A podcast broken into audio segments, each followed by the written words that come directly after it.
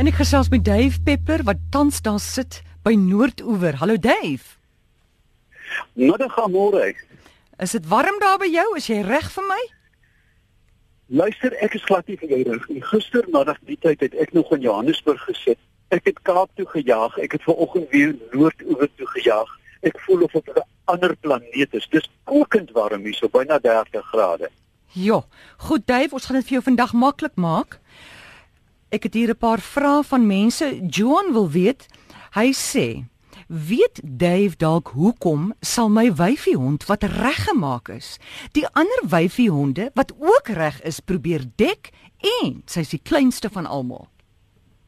Ja, kyk almore, daar is ingeborgde gedragspatrone by diere. Mens sien dit ook by beeste en by skape dat dit het eintlik niks met paring te doen nie, maar met dominansie of wat die wat die die Engelse noem displacement activity, verplasingsaktiwiteit. As hulle gefrustreerd is, dan maak hulle hierdie nagebootste. So, hulle hulle hulle boots dit eenvoudig na, daar is geen drif uit die uit die um hormone nie, maar dit is eintlik sê vir jou dat die hond dalk onder spanning is of dominant wil wees. Jo, mag ek kan ek dit deurtrek na mense toe? Ek meen daar is mos bewys dat verkrachting het alles net te doen met mag en niks met seks nie. Absoluut. Ehm um, kyk die die die, die wêreld van seksualiteit ehm um, is vir ons nog baie donker en baie opsigte. Ons het deesdae te doen soos jy al te goed weet met 'n reuse verkrachtings uh, kultuur selfs op kampusse. En dit het baie te doen met dominansie, maar ons moet ook onthou dat die mens is die enigste dier, as ek dit met permissie sou mag sê, wat na menopouse, as hulle nie meer vrugbaar is nie, seksueel verkeer, né? So ons moet die lyn dan trek tussen menslike gedrag waar waar seks dan vir plesier um, en uiteraard hopelik ook uit liefde is, um, selfs postmenopausal maar by diere is dit gewoonlik so as die dier menopausaal raak, sal die mannetjies glad nie na belang stel nie. Goed, maar om terug te kom na hierdie oorspronklike vraag, die diere is nie eers bronstig nie, maar dit gaan oor mag wat hulle wil bewys, dan gaan dit terug na daai oer uh, gevoel van hulle waar hulle wil oulik maak. Ja, kyk hulle hulle is is diere is groepdiere, né? Mm. En hulle probeer heel moontlik haar posisie binne die hiërargie um verbeter deur hierdie um vreemde gedrag. Maar dit mag ook dalk beteken dat sy onder spanning is dat 'n mens nie vir uh, iemand ja. nie in die huis uh, 'n uh, nuwe geluid, 'n nuwe reuk uh, kan al hierdie gedragskodes kan dit um, ontketen. Goed, dan 'n ander vraag hier. Iemand wil weet hoekom vee voete, ag, vee voete, vee honde hulle voete af op die gras nadat hulle gebollie het. O, ja, dit is nie snaaks ding. Kyk, ehm um, Die rede is eintlik baie eenvoudig. Honde van nature, um, as jy kyk na wolwe, hulle voorsate is territoriaal. So hulle sien nie hulle voete af nie. Hulle wil die urinekool of die muskool se oppervlakte vergroot dat dit beter kan ruik my kind. Um jy sien ook dat ja, ek is ernstig dat jaghonde byvoorbeeld dat sterk territoriaal is, sal ontlas op 'n bossie. Hy staan nou op sy voorpote met sy alie hoog in die lug sodat die musbol 'n groter lugbeweging oor hom het en so kan adverteer. Dit is te, dit het te maak met territorium hmm. en die sein se effekte vergroot. Goed, iemand wil weet hoekom raak jy dronk in jou kop as jy in die ronde draai? Vertigo is mos die Engelse naam daarvoor. Dit is 'n gang met die 'n gehoor uh, binne in die oor, jy weet die die die drie beentjies mm. en die vloeistof uh, kyk die die die syne, die die die die klanksyne word nie deur die, die beentjies direk oorgedra nie, maar die vloeistof as draer.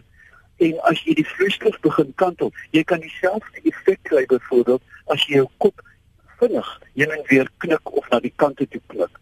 Maar veral met draai, uh, raak die vloeistofdruk onstabiel as ek dit reg het en dan voel jy jy's nie werklik dronk nie. Dit is 'n vals dronkenskap. Dit is 'n goedkoop dop. Goed. Iemand wil weet hoekom is daar nie 'n bottelstoer in Vishoek nie?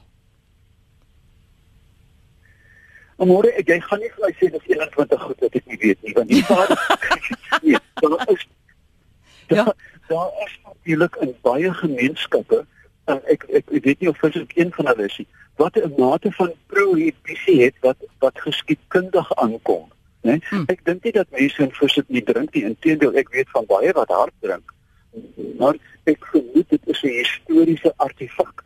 As 'n mens dink dat vishoek uh, saam met Simonstad en en Muizenberg uh, funksioneer as gemeenskappe sedert die tyd van Cecil John Rhodes. Hy het mos sy huisie daar die cottage daar gehad. Ja. En ek dink die Puriteine, veral natuurlik die um, as jy mens dink aan die Edwardiane, het heel moontlik 'n antieke reël neergesit en sê julle mag nie suip in ons munisipaliteit nie. Maar ek dink dit is 'n geskiedkundige artefak.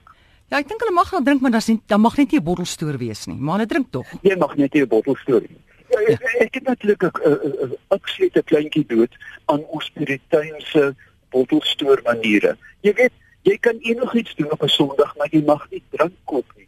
Weet, w- Hmm. dit is baie kortsigtig dink ek. In enige beskaafde land stap jy op 'n Sondag aand 11:00 en koop 'n bottel wyn in die supermark. Ja, en Hmm. ek dink dat die, die ons drankwette is werklik baie verouderd. En dan 'n laaste vraag. Iemand wil, ja? Yes. Iemand wil Nee, ek wil net sê, jy weet eh, kan ek net gou iets sê? Ja. uh, daar is daar is baie bewyse aan môre dat die opheffing van prohibisie nie net op drank nie maar ook op dwelms Mm. die die um die voorkoms ernstig verminder. Jy weet dis hierdie dis hierdie verbode vrugte ding hè. Ja. Hoe meer verbode dit is, hoe meer aanloklik word dit. En baie beskaafde lande en ek sluit ons nie daarbey in nie, um het gesê ons hef dit op en dan sal jy natuurlik die te koppe hê wat nog maar afgooi tog. Jy weet mense wat die ware verslaaf is, maar die eksperimentering neem dan af. Ja, ek hoor jou. Goed, laaste vraag. Iemand wil weet hoekom reën dit in die Kaap nie? Ja, ek eh, ek is regtig baie bekommerd en ek het dieselfde probleem daarmee. Weet jy dat ek het gister gesien op die vliegtuig dat ons tot in Julie maand 5% van ons normale reën ontvang het. En soos jy altyd goed weet, het dit gisterand swaar gereën in Johannesburg wat 'n Mm. soberreënstreek is. En dis toe te skryf aan klimaatsverandering duidelik. Dit is ons invloed op die omgewing wat die hele stelsel nou begin ontspoor en ons beter nou daaraan gewoond raak of liewers iets daaraan doen, want ons kan iets daaraan doen. Sy sê wat gaan ons doen as daar nie meer water is nie? Wel, ons sal die voorbeelde van bitterdroë lande soos Israel moet volg. Ons sal eerstens gebottelede water moet drink en ophou ons tuin nat maak gesteriliseerde drinkwater, nommer 1. En dit is een van die groot probleme dat water in Suid-Afrika is water. Alles is jy kan enige plek water drink. En dit sal ernstig moet verander dat ons die gebruike van water sal moet begin skei na industriële gebruike en huishoudelike gebruike dat ons moet drink wat jy in 'n bottel koop en die res kan dan met minder moeite um uh, nie noodwendig gesteriliseer word nie want dan baie fyner toegepas word. Ons probleem is natuurlik die ou stelsel van gesteriliseerde drinkwater waarmee ons ons motors was en dit is mos verkeerd. Heeltemal, maar laat ons sommer nou al so leef asof ons geen water het nie, veral in die Wes-Kaap. Môre hoe ons dit begin besef dat ons met hierdie alreeds hart buite dat ons water beskou as een van die kosbaarste bronne. As ons nou lewe in die ruimte soek, soos ons deesdae met metasatelliete doen, is die eerste kenteken van die moontlikheid van lewe die molekuul van water. Water is waarlik lewe en ons moet dit nou begin besef. Goed, Dave, dankie en veilig verder ry. Ek praat volgende week met julle. Tot dan. Tot dan. Dave Peppler besoek sy Facebook bladsy.